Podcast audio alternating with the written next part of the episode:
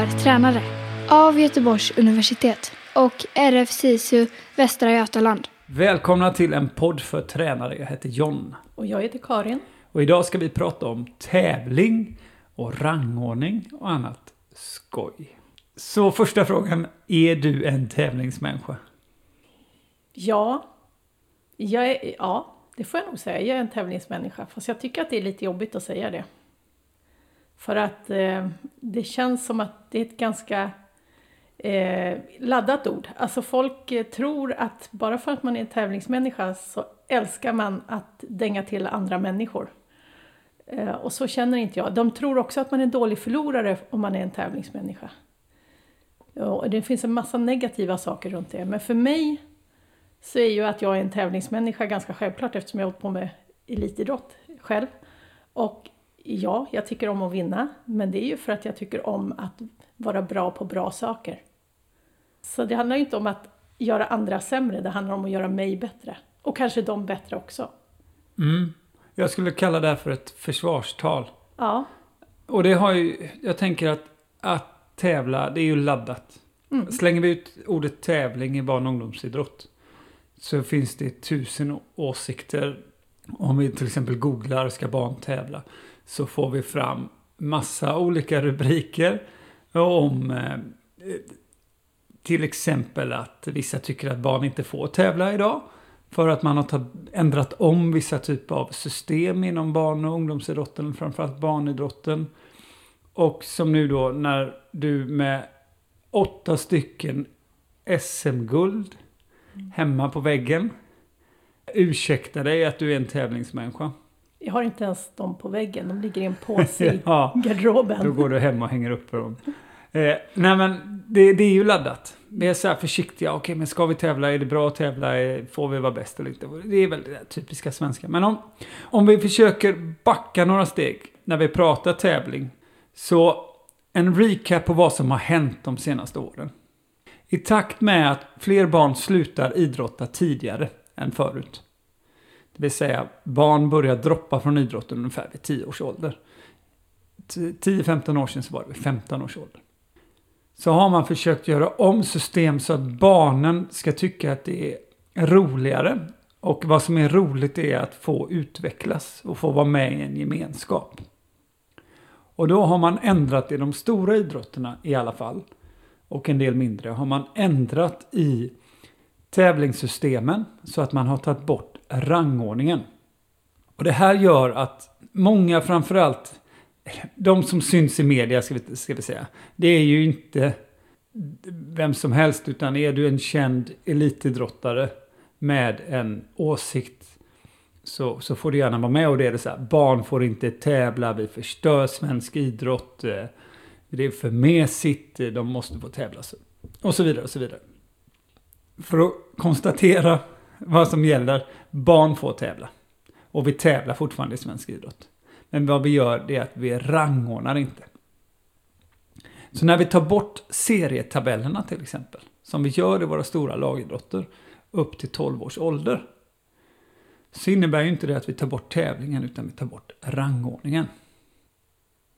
Ja, men jag tänker så här att man måste också definiera vad tävla är. För att eh, tävla finns ju med oss hela livet. Det handlar ju, för mig handlar det om utveckling, att hela tiden ha en progression, att man hela tiden utvecklas framåt.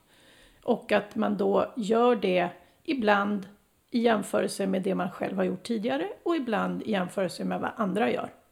Och börjar man titta på sitt eget liv så tävlar man ju i princip hela tiden. Du tävlar när du söker ett jobb, du tävlar i skolan när du vill ha ett betyg. Eh, och ibland är det som sagt mot dig själv och ibland är det mot andra. Och lek och spel finns ju med hela livet och har ju funnits med i alla tider. Eh, och jag vet att det finns... Eh, Bo Karlsson har någonstans skrivit att lek och spel har ju liksom funnits med människan sedan urminnes tider och på något vis byggt den kultur vi lever i. Att man hela tiden strävar efter att göra ja, men bra saker bättre. Eh, och då både jämförelse med sig själv och jämfört med andra. Så att liksom tävlingen formar samhället. Eh, och jag tror att vi har liksom gått bort oss lite i vad en tävling är. Egentligen är ju de flesta lekar vi leker som små är ju en form utav tävlingar. Vem som är, eller vem som står kvar längst, eller vem som kan göra flest, eller vad det nu är. Eh, så att det, det är ju en ganska naturlig del av livet, så vi kan inte ta bort det. I min värld. Nej, och det ska inte tas bort. Det har aldrig tagits bort.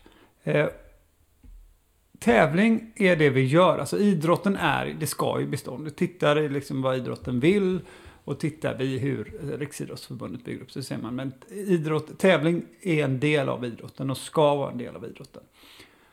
Och tävling är till exempel vi tävlar, som du säger, vi tävlar allt och jag tävlar allt. Jag tävlar med mina barn. Vi kan tävla med allt som vi spelar kort och vi... Eh, jag tävlar med de grupperna jag tränar och så vidare. Rangordningen däremot, det är konsekvensen av tävlingen.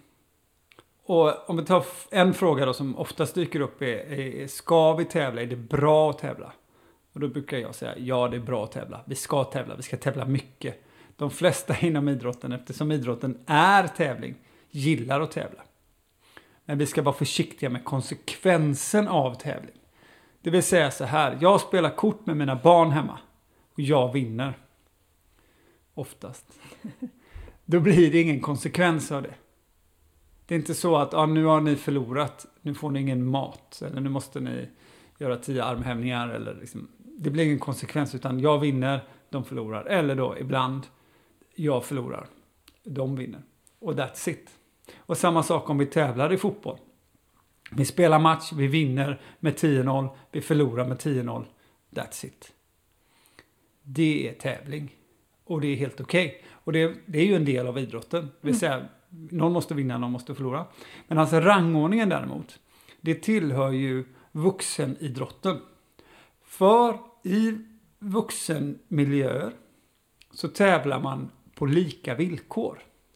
Det vill säga när du går upp på mattan och tävlar ett SM, då är det på lika villkor. Det är upp till dig hur mycket du har tränat och vilken träningsmiljö du har varit i. Och så tävlar ni på lika villkor och så vinner du och någon annan förlorar och så kan man utvärdera och säga ja men jag förlorar, jag behöver träna mer och mer på det här. Så det tillhör vuxenidrotten. Medan barnidrotten framförallt och ungdomsidrotten skulle jag också säga så är det inte på lika villkor. Och det har med två saker att göra. Dels så har det med barnens mognad att göra, barnens utveckling. Och dels så har det med föräldrar och tränares tro om utveckling. Och vi ska ta dem båda en och en nu. Så vad vill du starta? Vill du starta med föräldrarna eller vill du starta med barnen? Jag tycker vi startar med barnen. Vi startar med barnen. Okej. Okay.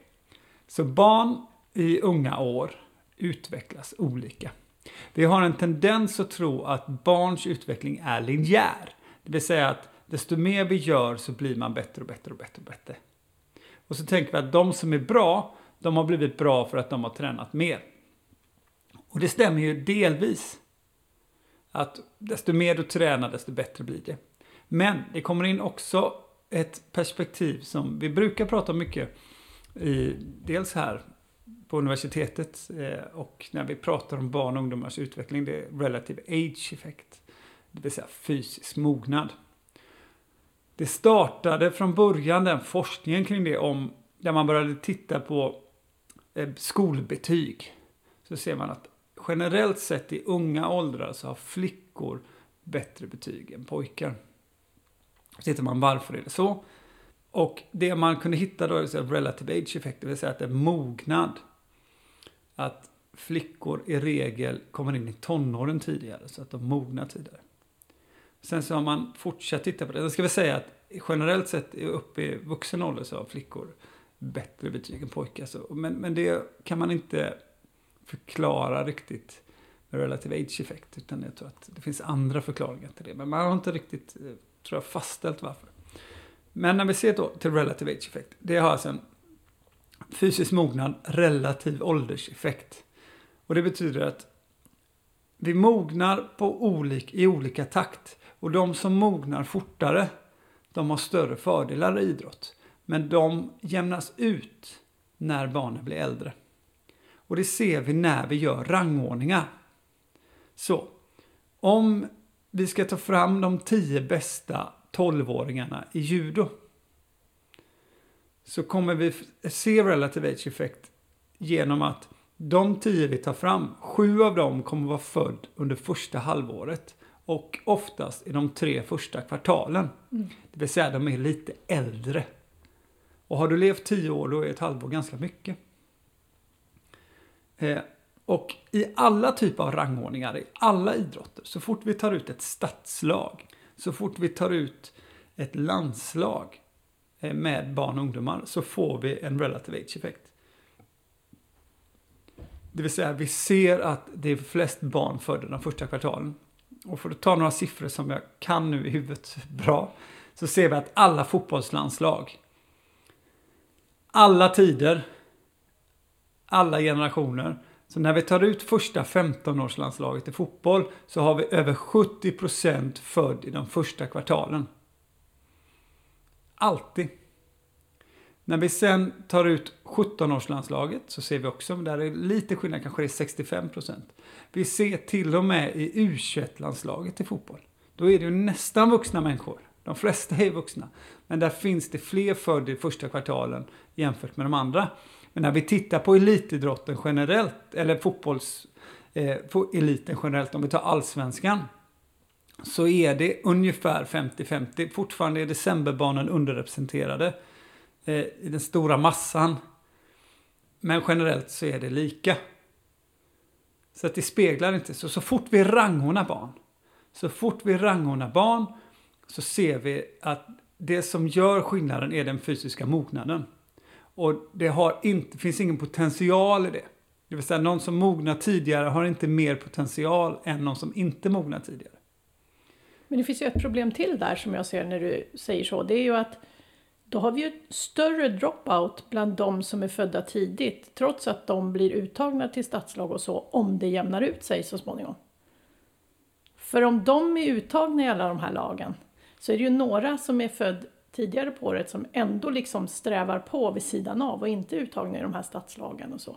Och man kan ju tänka sig att det kan ju vara så att dropouten hos dem inte är större, men man kan ju också tänka sig att fler utav dem slutar. Det måste ju vara någon tanke då att ja, men de som blir uttagna till stadslagen, de fortsätter och de andra, det är många utav dem som har en dropout. Men om det sen jämnar ut sig, då måste ju dropouten hos dem som har blivit uttagna då och varit ansedda som väldigt duktiga vara ganska stor ganska sent när de här födda senare på året kommer ikapp. För annars skulle det aldrig kunna jämna ut sig.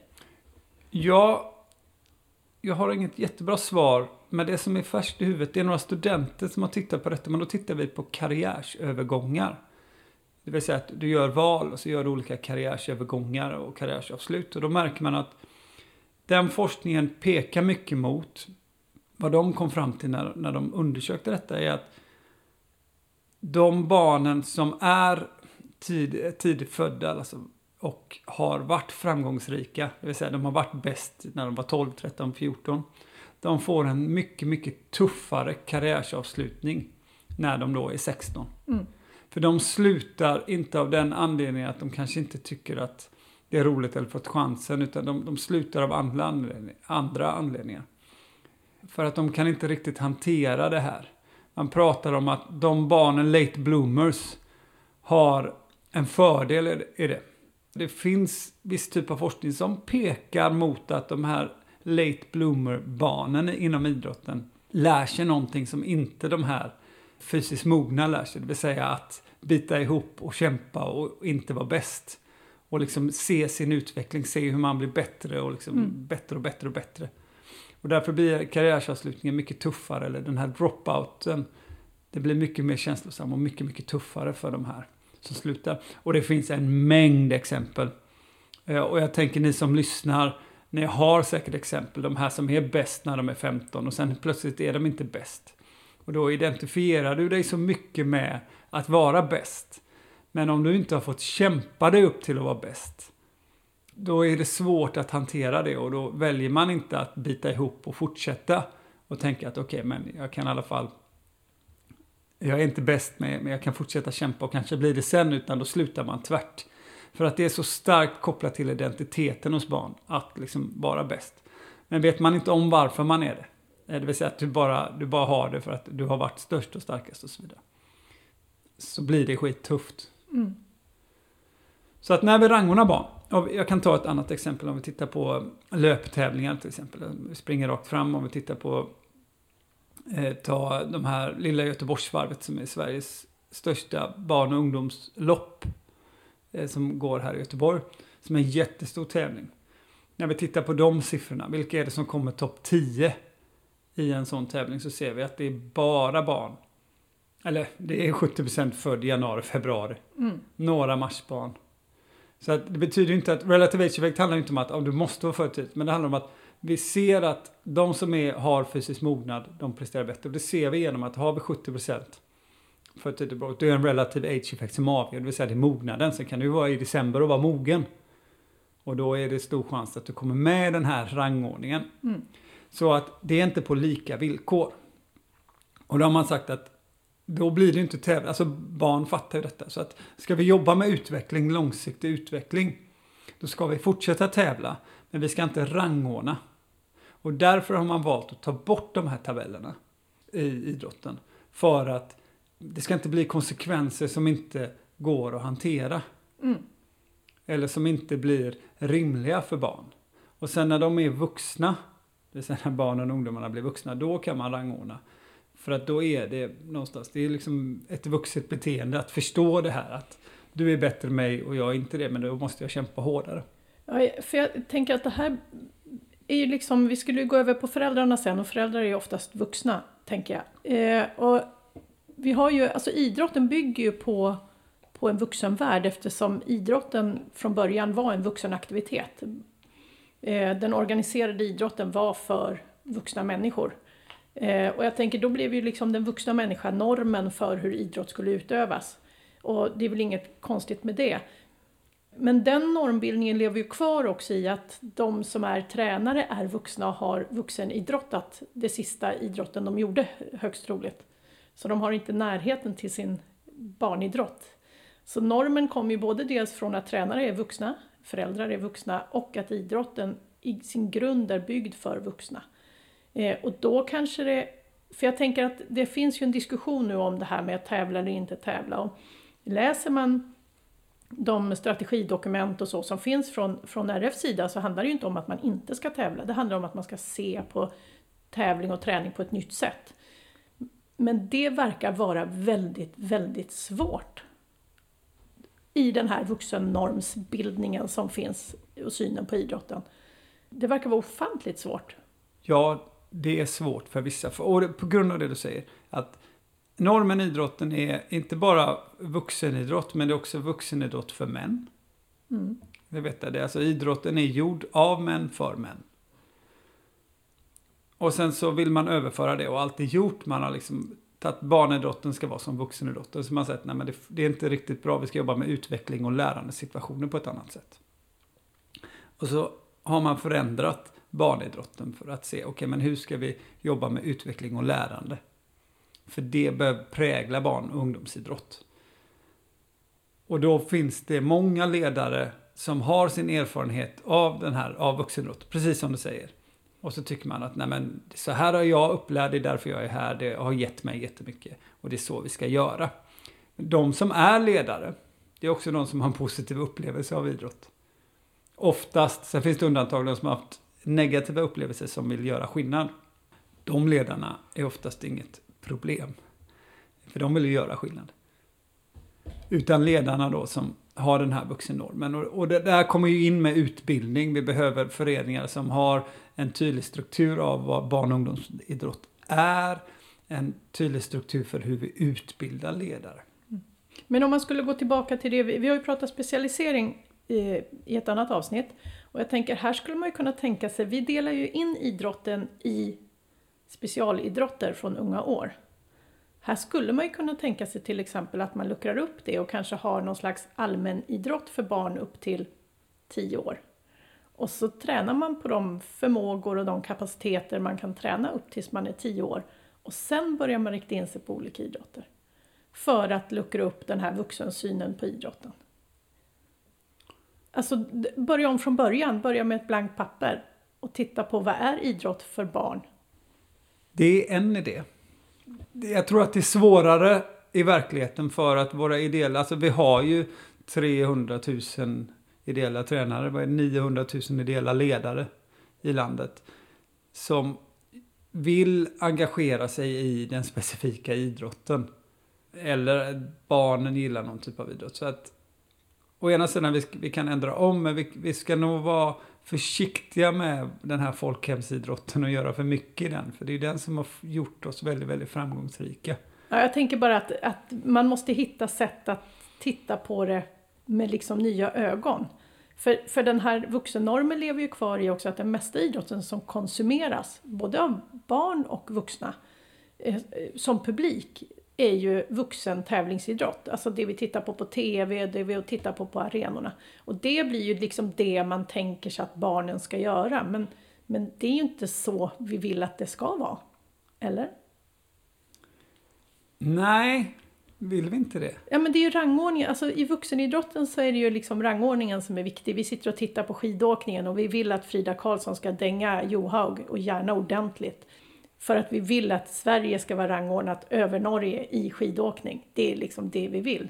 Eh, och det är liksom det som är meningen med att sitta och titta. Och när, eh, Kristoffer åker ut i slalomen igen så blir man ju nästan lite arg där hemma. Fast det är hans prestation. Och, och det på något vis tar man ju med sig till idrotten för barn. Därför att det är den bilden av idrott som man har med sig. Och kanske även den bilden barn har av idrott. Det är det där jag vill göra. Och sen ska vi göra någonting annat på barnnivå. Det, det är både bra men också väldigt svårt naturligtvis. För den, de här normerna fylls ju på hela tiden och på något vis förstärks. Ja, men jag tror att barn kan hantera det. Det vill säga barn kan tävla. Barn förstår logiken med tävling. De vet att den personen är bättre än mig. Den vinner.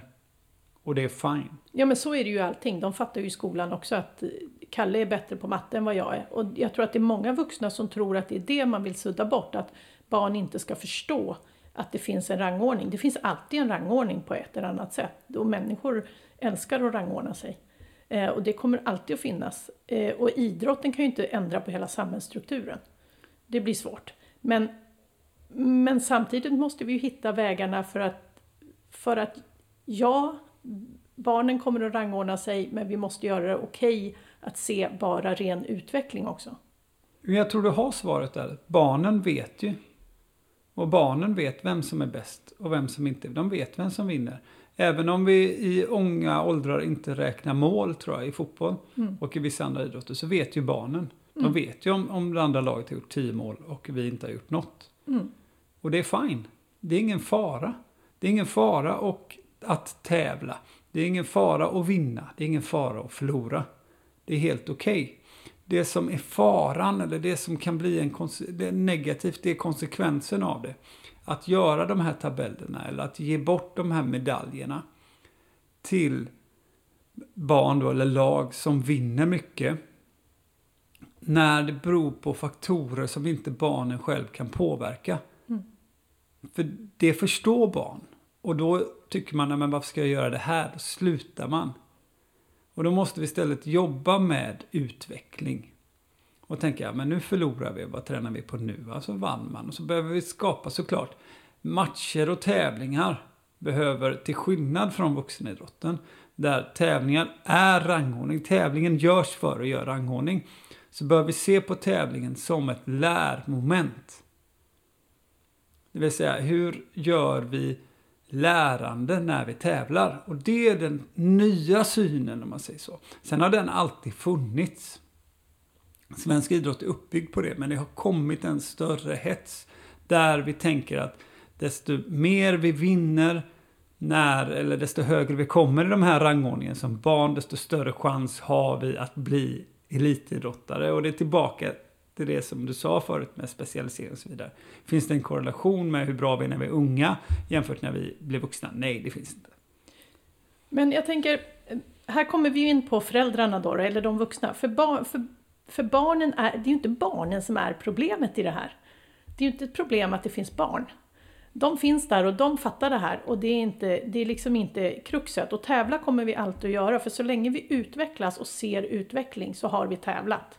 För så fort du har, ser att du gör någonting bättre än du gjorde det tidigare, oavsett om det jämförs med någon annan eller om det jämförs med dig själv, så har du på sätt och vis utfört ett tävlingsmoment.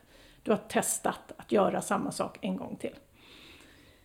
Men då faller vi ju tillbaka på det här med, det som du sa då, föräldrar och andra vuxna runt omkring. Eh, och jag kan ju säga att de gånger vi har haft tävlingar i judo där vi har försökt att liksom göra varianter så att det ska passa eh, ja, men barnen bättre. Det ska inte vara en tydlig rangordning och vi bygger upp tävlingarna så att alla ska få tävla på så lika villkor som möjligt, mot så, så anpassat motstånd som möjligt och få upp, en så bra upplevelse som möjligt. Så är det ju aldrig några barn som har klagat, utan det är ju föräldrar. Och ofta är det föräldrar till barn som är ganska duktiga. Som kommer och säger att, ja men varför fick de inte medalj? Varför såg tävlingssystemet inte ut som för de vuxna? Det känns inte som en riktig tävling då. Och jag har aldrig hört ett barn klaga på hur vi har gjort en tävling. Men däremot föräldrar, och då är det oftast föräldrar till barn som är ja, men duktiga, som skulle ha kommit högt upp i rangordningen, högst troligt. Och det är väl kanske där problemet är? Ja, det är där problemet är. För jag, jag tror att barnen vet ju, de kan räkna och mm. de förstår. Eh, och så finns det många föräldrar, och många ideella ledare är också föräldrar, som har den synen, som tänker att det är viktigt att vinna. Eh, i, alltså, eller det är viktigt att rangordnas högt. Eh, för att det ger någon slags kvitto på att man som ledare gör ett bra jobb. Eh, när det inte är det överhuvudtaget. Jag kan träna en grupp hur bra som helst. I till exempel fotboll. Jag kan träna jättemycket och jättebra. Vi kommer ändå förlora mot barn som är fysiskt mognare. Eh, som har liksom större, eh, ska vi inte bara, fysiskt mogna handlar inte bara om att jag är större, snabbare och skjuter hårdare. Eller kastar bättre. Utan det har också att göra liksom med kognitiva förmågor. Och, och, det kan ju skilja sig mycket också. Så att det, det är inte bara det här min, min fysiska kropp. Utan det handlar om liksom, den kognitiva utvecklingen också. Så att så jag kan träna bra men jag kommer ändå förlora. Så att barnen vet ju att de, det, det, är liksom inte så mycket att påverka. Och så länge de får tävla så är de nöjda och de ska lära sig vinna, de ska lära sig förlora.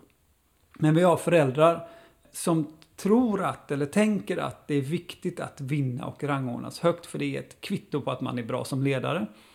Eller att det ger fördelar då till barnen. Och det ger fördelar till barnen. Det är också det här när vi ser högre upp varför vi inte vill ha stadslag på de här premisserna eller länslag eller vad det nu heter, eller zonlag och så vidare, är för att i stadslagsmiljöer eller sådana typer av miljöer, om du tar ut i individuell idrott så tar du ut någon typ av regionslag och regionssamlingar, så får man ju väldigt, väldigt bra förutsättningar.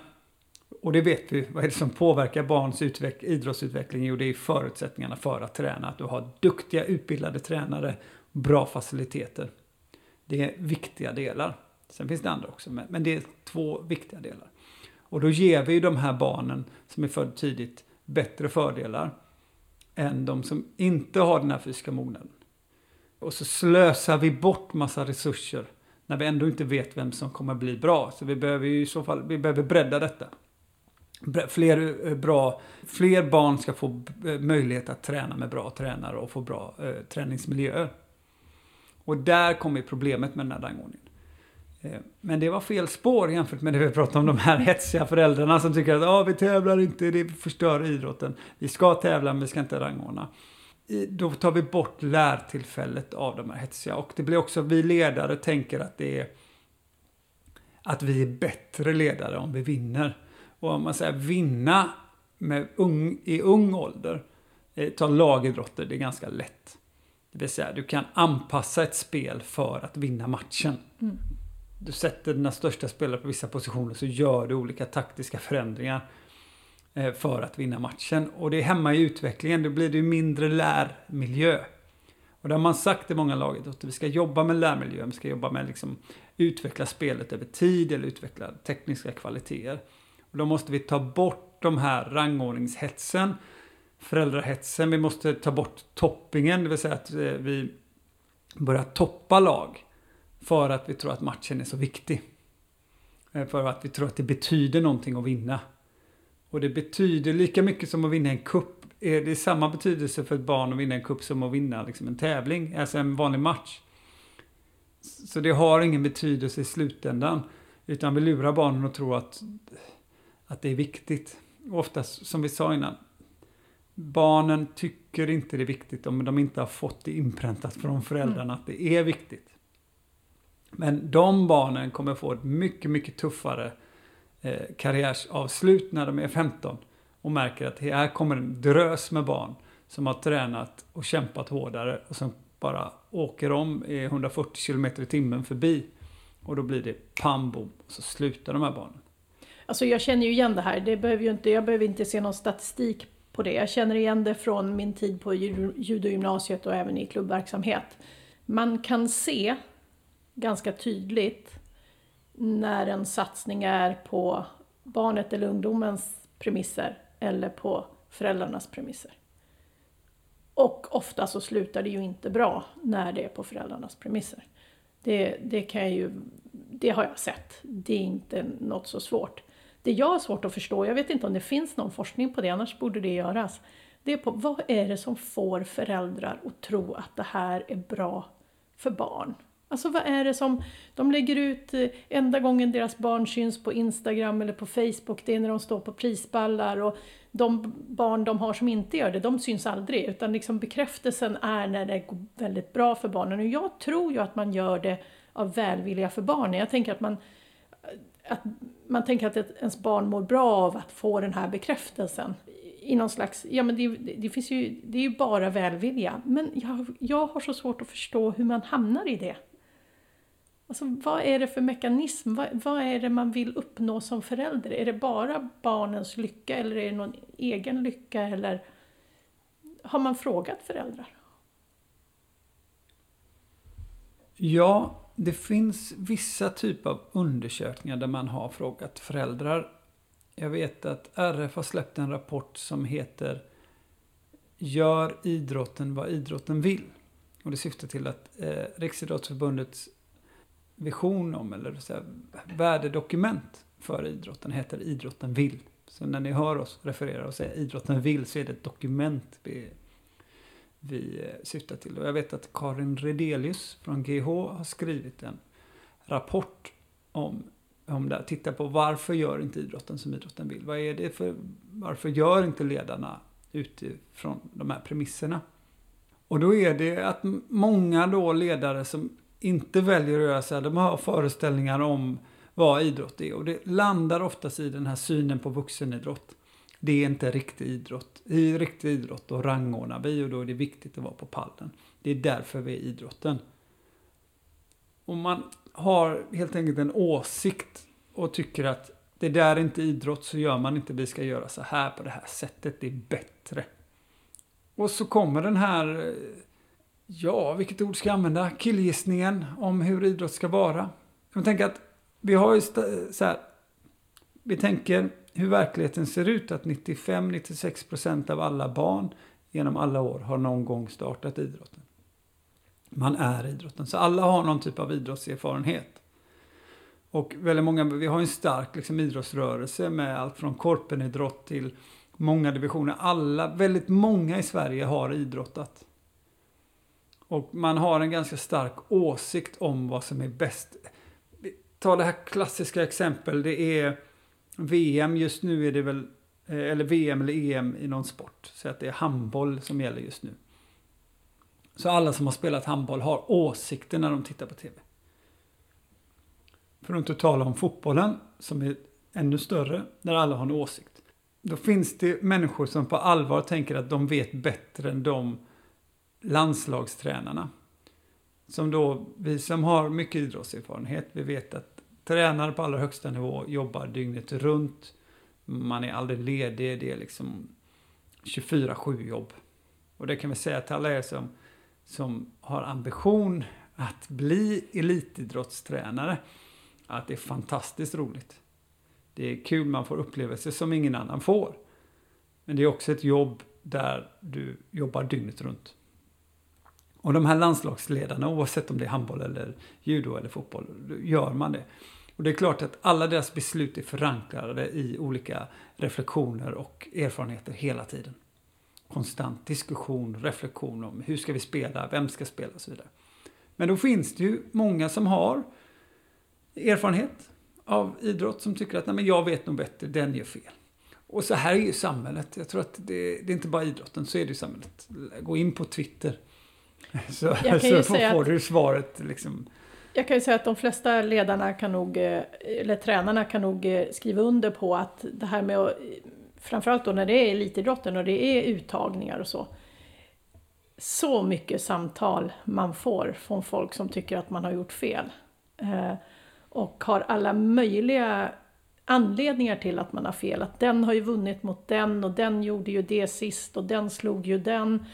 Om man försöker förklara om man försöker peka på de kriterier som finns och man försöker kanske till och med säga att jag gör det här som en profession, det här är mitt jobb. Eh, och det hjälper inte. Och jag kan ju säga till alla tränare som tycker att det är jobbigt, du är inte ensam. Alla, eh, de flesta tränarna har nog gått igenom det. Och till alla föräldrar som eventuellt lyssnar så kan jag ju säga att om du har ringt så kan du ge dig på att du är inte är ensam. Så om tränaren låter lite kort så kan det bero på att det är lite tjatigt. För det är mycket tyckande. Och tränare är ofta tränare för att de kan och vet saker. Inte bara för att de är duktiga på att gissa.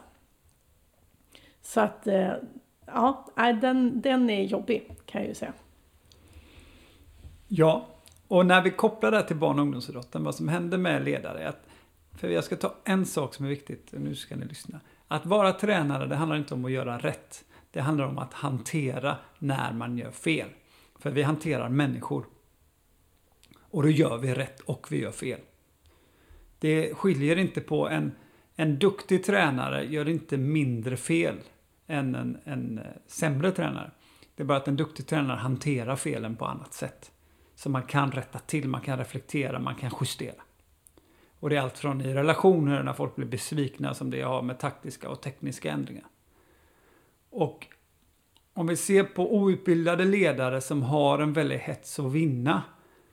Då gör man det enkelt för sig genom att man försöker bara göra rätt. Och då säger man vad är rätt? Jo, det är att vinna matchen. Då gör man rätt. Så man försöker ta bort alla fel man gör. Medan en ledare som ser till långsiktig utveckling och som vill jobba med lärandemiljöutveckling, och utveckling, då är man beredd på att man gör mycket fel och så tänker man att vi hanterar det. Eh, så att man inte är rädd för att göra fel. Och man tänker att resultatet är inte viktigt utan vi vinner och vi förlorar.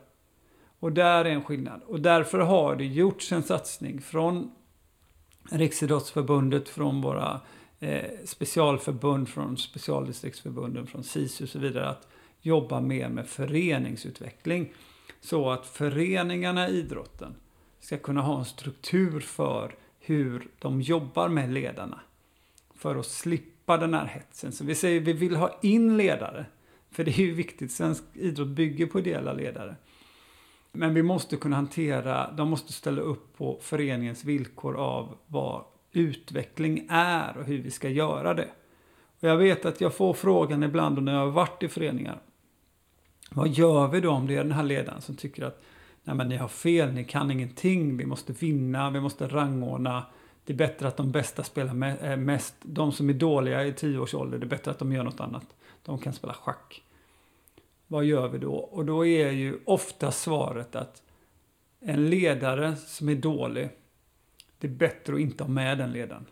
För den förstör mer än, än, än vad den gör nytta.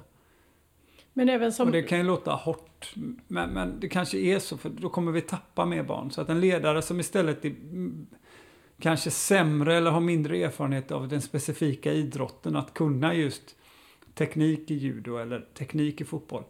Som istället kan ta hand om barnen, se till att de har roligt se till att skapa en lärande miljö. Oavsett att man inte kan så mycket specifik idrott är bättre för att då får barnen eh, vara med i idrotten längre och då har de större chans att lära sig idrotten.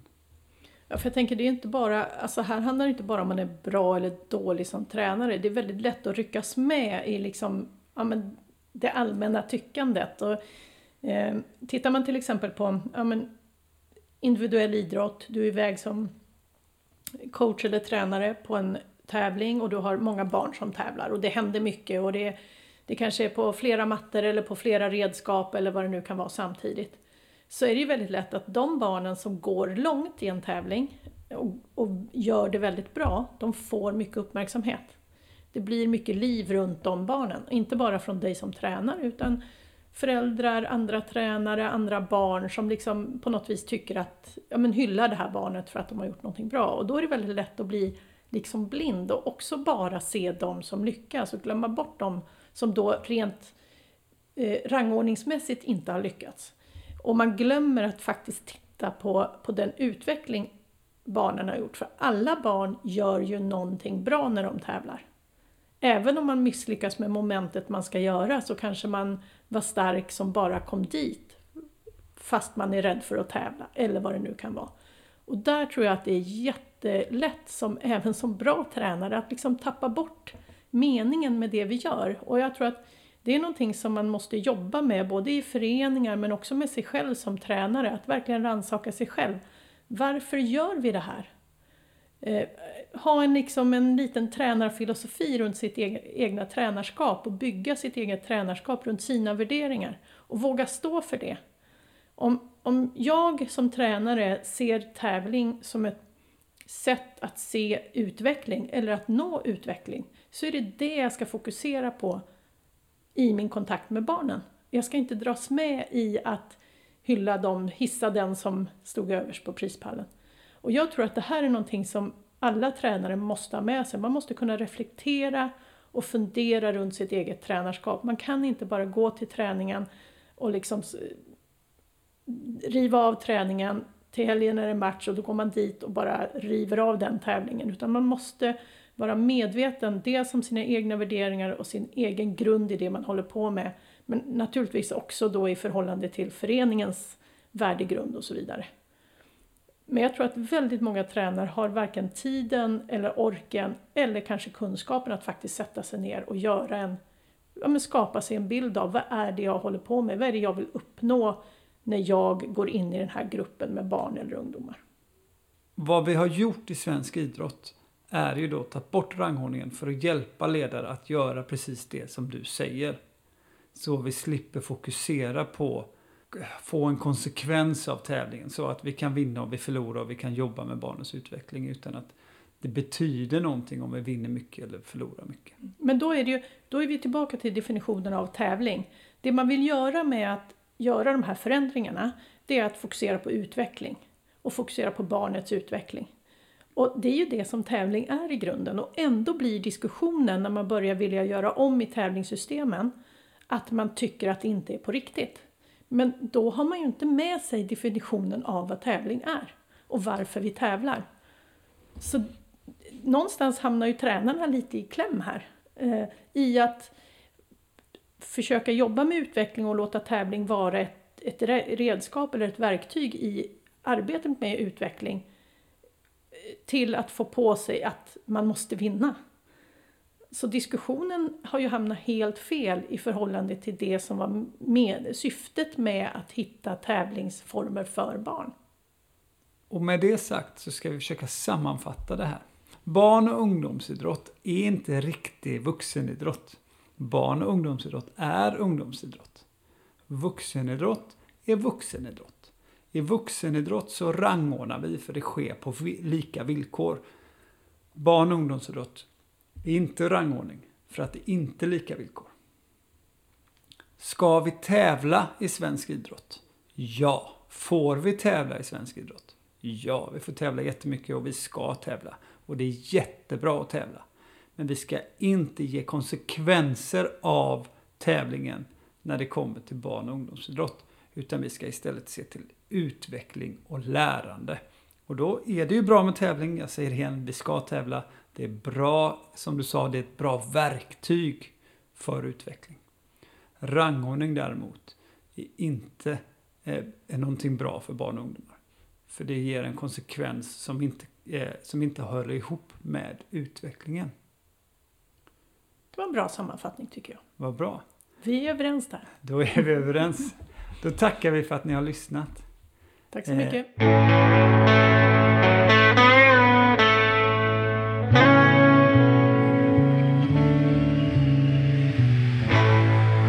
Tack för att ni har lyssnat på en podd för tränare.